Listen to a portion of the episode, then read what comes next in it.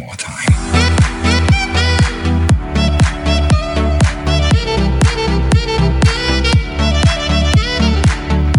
Hai, apa kabar Sobat Unala? Youth Decide, We Provide Balik lagi di Tanya, Tanya Nala Oke, kalau kemarin kita itu datang tamunya dari impor Impor Ya, kita mengundang tamu-tamu di luar eh, program Unala Tapi juga beberapa juga ada teman-teman volunteer Unala Nah, kali ini aku juga datang bersama teman-teman volunteer. Suaranya dong.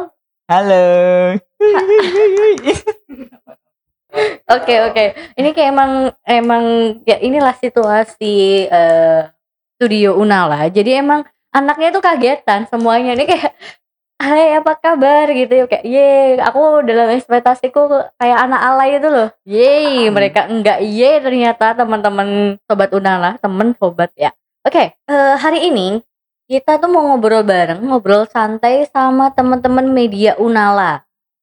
Kan eh, postingan Unala kalau sobat Unala kepo itu udah kita udah kasih clue ya.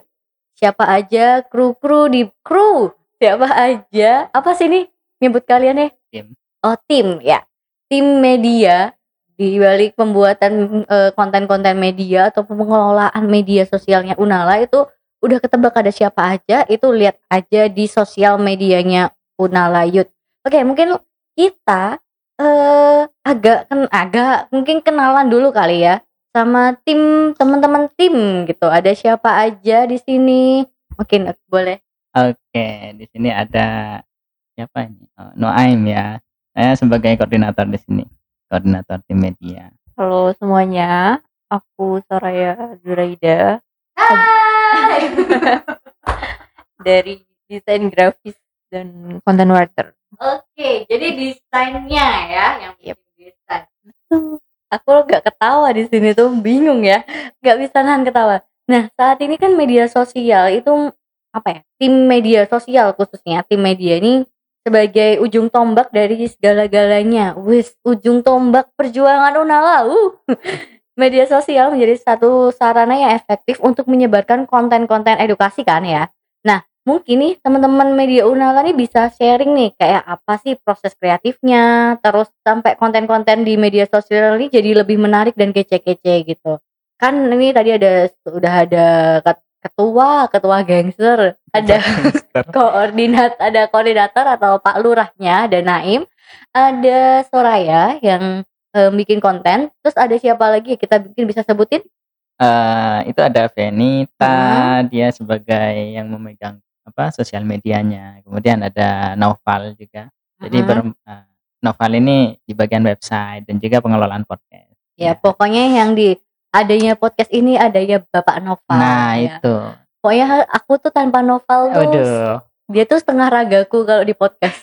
Oh begitu. Iya. Oh iya iya. di podcast aja. Oh, di podcast aja. Terus ada siapa lagi? Eh, satu lagi ada Lenny, dia customer line. Jadi yang kepo siapa miminnya itu ya. Ya, pokoknya Noval mau say hi. Oh, di punggung panggung. Oke, aku mungkin ada beberapa pertanyaan. Wus, enggak sih. Ada beberapa ujian untuk kalian. Kita mulai ujiannya, siap? Oke, yang pertama. Wus, serius nih aku ya. Nah, ini tim Unala itu kan udah berapa bulan kita? Lima bulan kita eh, di rumah, eh, enggak di rumah aja sih. Maksudnya terbatas lingkupnya ya, lingkup geraknya. Kita selama pandemi ini lah, selama pandemi ini semua jadi berubah semua berubah terus teman-teman kegiatannya kan kebanyakan online nah ini berhubungan yang dia namain ujung tombak ini nih karena kalian online onlinenya nih nah bagaimana sih tim media Unala merespon situasi pandemi ini awal-awal ini Sebenarnya kalau dilihat situasi ya, siapa saja nggak cuman tim media ini pasti kaget dengan situasi ini. Karena mau nggak mau kita harus beralih kepada dunia di- digital ya semuanya. Cuman mungkin kalau ditanya apakah eh, sekaget itu ya enggak juga karena kita memang sudah eh, apa mainnya di di ranah situ. Seperti misal kalau mungkin yang lain yang yang tidak mengerti tentang dunia digital mesin kayak kemudian kuliah atau sekolah itu harus ke Zoom mungkin mereka harus nyari tahu dulu cari tutorial gitu. kalau tim media ya mungkin nggak sesulit itu untuk uh, mungkin cepat langsung memahami dan beradaptasi terhadap platform-platform baru Kalau dari uh, aku sih sebenarnya nggak terlalu jauh beda ya karena konten kan emang tiap hari juga ada Ada konten khususnya nggak? ada dong karena kan menyesuaikan dari kemarin awal-awal kita bahas-bahas corona juga tips-tipsnya juga tentang corona lalu pas new normal itu juga ada Eh, ada kan kalau di media itu tuh ada planning kan. Nah, waktu awal corona itu ada planning khusus atau tersendiri khusus corona gitu? Atau tantangannya deh gitu? Kan koordinasinya gimana waktu awal corona eh salah, waktu corona sama Heeh. sebelum corona beda nggak? Ya tentunya beda sih kalau bicara hal itu karena tiap bulan kan kita di awal bulan kita ada rapat media untuk membahas konten-konten seperti menggunakan Google Trend Scan apa Google Trend Trend Scanning kan Trend Scanning untuk melihat tren-tren eh, sekarang terutama di isu remaja dan kesehatan reproduksi lebih tepatnya. Nah itu sudah terplanning sih. Misal kayak eh, satu bulan itu ngomongin ghosting atau grooming eh, di setiap minggunya yang berbeda itu. Nah ketika masuk corona mau gak mau eh, untuk memberikan informasi juga mengenai bahayanya corona kita eh, apa menyelipkan corona di, di bagian konten tersebut biar juga ikut menjadi bagian dari konten-konten Unala. Oke, jadi bedanya adalah eh, selain bentuk eh bentuk koordinasinya sama aja ya. sama aja. Terus eh bedanya cuma di isi kontennya sama apa? Apalagi yang beda? Oh ini ya platform-platformnya bertambah ya Iya, yang digunakan. Oke. Oke. Nah, ngomongin pengelolaan media sosial nih, sebenarnya pengelolaan media sosial yang baik itu kayak gimana sih seharusnya? Maksudnya apa? Ya, jadi menurut teman-teman Iya ya. Ini harusnya ada sosmed lagi atau nu M deh boleh karena sebagai ketua eh, ketua kok awet tuh dari tadi aku mikirnya ketua gugus. Ya. Gimana kalau koordinator Koordinator. gimana? Kalau mengelola media sosial yang baik itu kayak gimana sih seharusnya gitu? Iya, apa-apa itu termasuk sosial media juga ya. Yang baik itu yang terplanning sih kalau menurutku.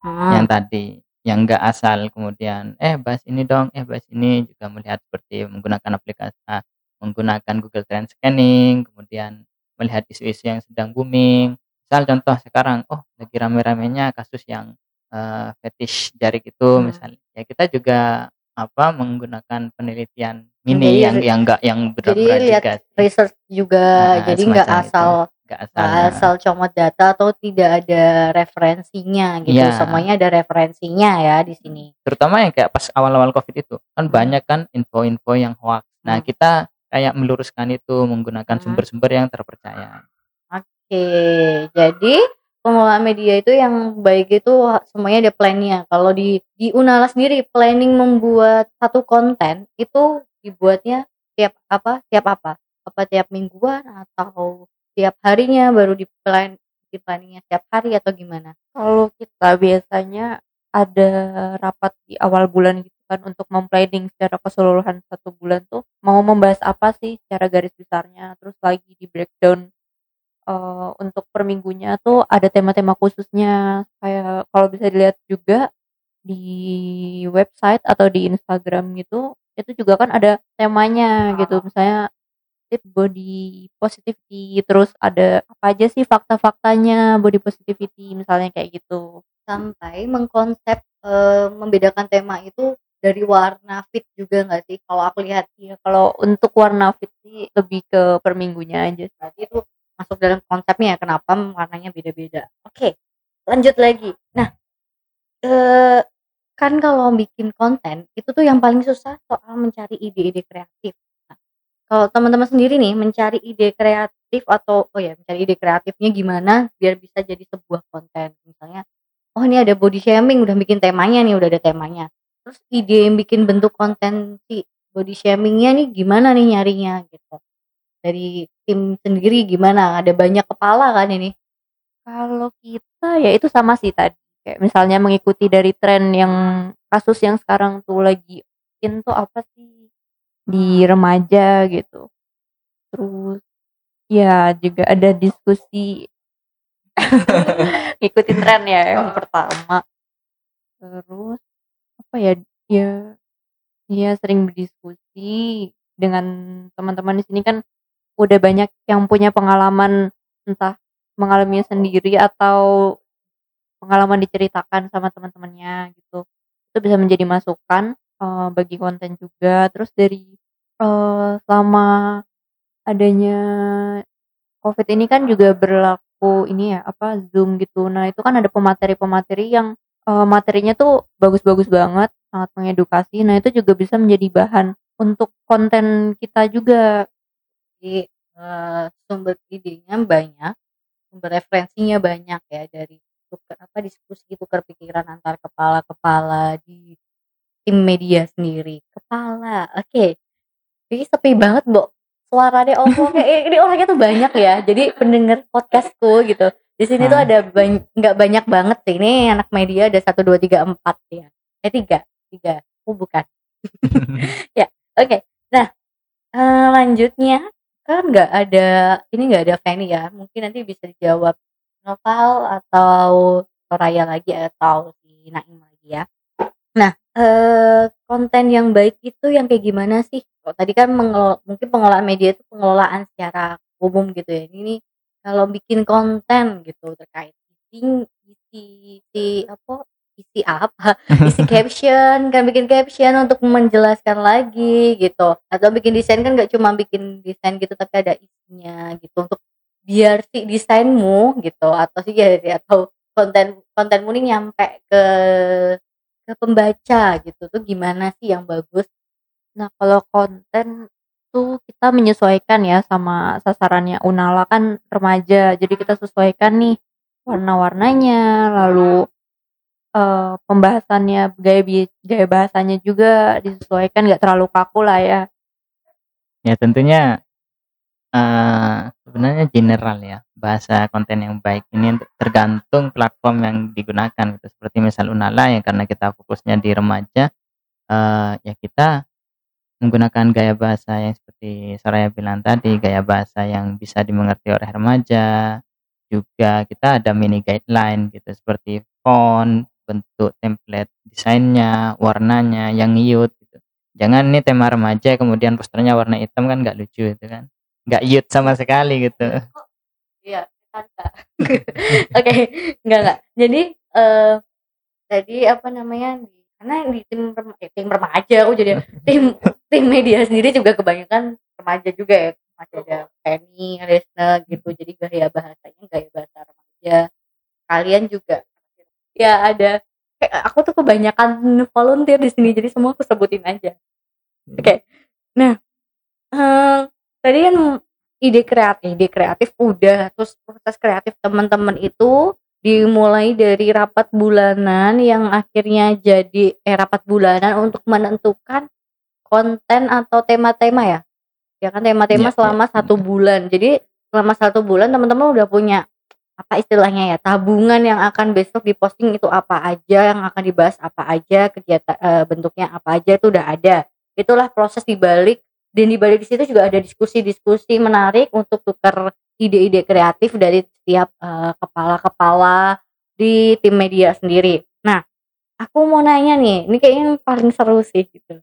Ini kan ada berbanyak orang. Nah, ada banyak orang menentukan kan tantangannya banyak juga kan, menentukan, eee, menyatukan isi kepala biar jadi satu, biar jadi satu konten yang sama tuh gimana? Atau ada tantangan nggak selama Nuem sendiri jadi jadi apa namanya, ketua, koordinator. Ketua, koordinator, koordinator heeh, koordinator media itu ada tantangan tersendiri nggak? Gitu? Kalau dari aku sendiri selama ngordinir sih, jadi kalau aku nggak tahu di di apa, maksudnya di di di pandangan teman-teman tim, Mhm. aku nggak tahu seperti apa, tapi kalau aku sendiri pengennya itu teman-teman ya jalan aja gitu. Maksudnya misal Noval ini ya bagian podcast begini ya, ya Mhm. udah gitu maksudnya. Dia mau temanya apa ya aku support aja. Karena Mmm. kalau nanti aku menggunakan terlalu menonjolkan idealisme sendiri susah untuk nyatukan otak kan gitu. Jadi Mmm. biarkan itu yang yang Soraya yang Soraya bagian desain, yang Noval bagian, eee, apa, misal konten podcast ataupun YouTube, kan Noval punya ide sendiri. Soraya kan nggak nyentuh ke situ, dan sebaliknya Noval juga nggak nyentuh desain Soraya. Tapi, tapi bis- bisa, bisa. kalau misal misal kayak novel Bisa apa? oh eh, punya Soraya nih kamu kayaknya desainnya begini ngasih Mhm. ide gitu Oh, saran ya, gitu kasih semacam masukan. itu Oke. Jadi lebih yang ngomong aja sama sama mengkoordinasi besok akan seperti apa kontennya, terus Iya. memastikan kontennya sudah berjalan atau sudah diposting atau tidak Iya, kayak gitu. Oke. Kalau Soraya sendiri sebagai konten dan desain grafis, konten ya konten writer ya, ya konten writer dan desain grafis, tantangannya apa sih Sor? Sor, Ayah. Nggak ada hebat banget Oh, hebat sekali ya Anda tidak punya tantangan ternyata ah tantangannya ya ini sih kayak menyampaikannya gimana biar remaja tuh bisa menangkap gitu dan nggak terlalu kaku banget biar tetap mengedukasi tapi seru gitu kalau untuk grafisnya sih menyesuaikan dari kontennya aja sih sama ini Kalau ini tantangan udah atau ada pengalaman duka atau pengalaman suka nggak? Ini ini mungkin Noval nggak mau ngomong? Nggak mau ngomong tetap ya. Oke, eh, Noval dan Ayah mungkin eh, ada pengalaman suka duka apa gitu di selama berproses di tim media sendiri atau sebagai volunteer Unala sendiri. ya mirip-mirip sih sama oh, aku tadi nggak punya tantangan ya jadi jadi ada nih tantangannya nih. Karena kalau media kan harus up to date ya terus kayak harus jalan terus nih setiap hari harus ada kontennya. Nah itu tuh kayak harus mikir meskipun dalam di awal bulan tuh udah ada tapi tetap apa ya kayak kadang-kadang kan kita ada di saat-saat nggak mood buat bikin konten atau bikin desain atau ya ada naik turunnya lah moodnya. Nah itu jadi tantangan tersendiri. Terus juga untuk ngatur waktu kemarin kan sempet eh, WFH juga. Nah itu kerja di rumah dan kerja di kantor kan beda. Nah mengatur waktunya itu yang menjadi tantangan. Satu sisi disuruh nyuci eh barengan desainnya suruh upload gitu pernah. Kalau Naim tantangan ya? Ini oh, apa? iya, suka iya, duka iya, ya? Ya Iya, kalau itu suka diedit dukanya juga ya. ini sebenarnya sama aja Sama tadi. aja, ya nanti tapi- kita edit karena tadi Heeh. Soraya nggak berbunyi gitu ya tapi ya Biar dari aku satu. sendiri sebelum adanya pandemi ini kan kita pernah turun lapangan ya. Maksudnya promosinya tidak berbentuk seperti itu kita ke lapangan ke sekolah-sekolah. Ya suka dukanya nah gitu bawa laptop di dalam mobil sambil ngedesain gitu ya itu menurutku pengalaman yang unik sih karena mau gak mau dalam kondisi apa pun kita harus bisa menekan diri kita sendiri titik Oh. yang harus bisa oke jadi tidak eh, maksudnya mengajak diri kita keluar dari zona nyaman kita betul Oke, menantang untuk keluar dari zona nyaman Soraya juga gitu. Keluar dari zona nyaman untuk mencari tren remaja gitu. Kayak harus gimana sih gitu. Sesuai desain-desainnya juga kayak gimana. Oke, terakhir nih. Eh, setiap dari eh, akhir akhir upload salah sorry. Setiap dari planning habis merencanakan itu kan ada eh, actionnya. Actionnya sudah selesai berarti ada evaluasi. Nah, teman-teman sen- media sendiri juga akan melakukan evaluasi kan di rapat bulanan itu juga. Iya, tentunya harus dengan evaluasi karena eh, kita akan melihat salah satunya dari insight ya sosial media. Seberapa penting sih evaluasi? Apakah itu Oh, penting dilakukan? banget. Ya, dilakukan tiap bulan atau tiap apa kalau Eh, evaluasinya sendiri? Kalau secara garis besar yang ngumpul satu tim itu ya setiap satu bulan itu. Jadi eh, berdasarkan rapat itu diadakan berdasarkan evaluasi dari konten sebelumnya. Mhm. Jadi ketika ada rapat media ini misal itu kita melihat konten sebelumnya ada kekurangan atau apa kita lihat baru kita bahas gimana konten depannya agar lebih baik dari yang sebelumnya secara garis besar. Tapi kalau evaluasi mungkin per week ya atau per minggu itu ya cuman dari saya sendiri sama Benita sih mungkin sebagai sosial media. Yang bisa melihat eh ya termasuk novel juga yang menghandle podcast sama YouTube kan untuk melihat jumlah view atau komen. Mungkin melihat Devinita misal melihat Instagram ini postingan yang lebih menarik ke remaja yang mana Itu merubah nggak? Misalnya evaluasi tiap minggu itu jadi merubah eh, rencana satu bulanan teman-teman misalnya ah ternyata teman-teman remaja di di akhir-akhir ini lagi seneng bahas K-pop misalnya gitu. Terus ada masuk ke sedangkan di plan teman-teman nggak ada K-pop misalnya itu jadi tambahan masukan lagi nggak? oh itu lebih ke arah ya udah kita bahas dulu dan apakah itu akan masuk di bulan selanjutnya atau enggak itu tergantung hasil kesepakatan rapat karena kita kan nggak bisa karena kan selama rapat kita nggak memutuskan itu sendiri kalau kalian bisa cek di apa di, di Instagram itu kan konten ini juga dibantu oleh RH Officer Unala juga. jadi nggak murni dari tim media juga kita saling tukar sama yang lain juga Oke, gitu ya. Eh, pengelolaan media. Jadi Sobat Unala ini dibalik eh, tim media Unala. Jadi ketika satu postingan keluar itu sudah ternyata sudah direncanakan selama satu bulan. Terus eh, masukan teman-teman remaja juga dipertimbangkan juga. Terus eh, setiap minggunya itu eh, juga dievaluasi konten-kontennya, dilihat dari postingannya. Mungkin ada masukan teman remaja itu juga bisa masuk terus apa ya suka dukanya macam-macam ada yang eh, ngedit bikin desain di mobil waktu lagi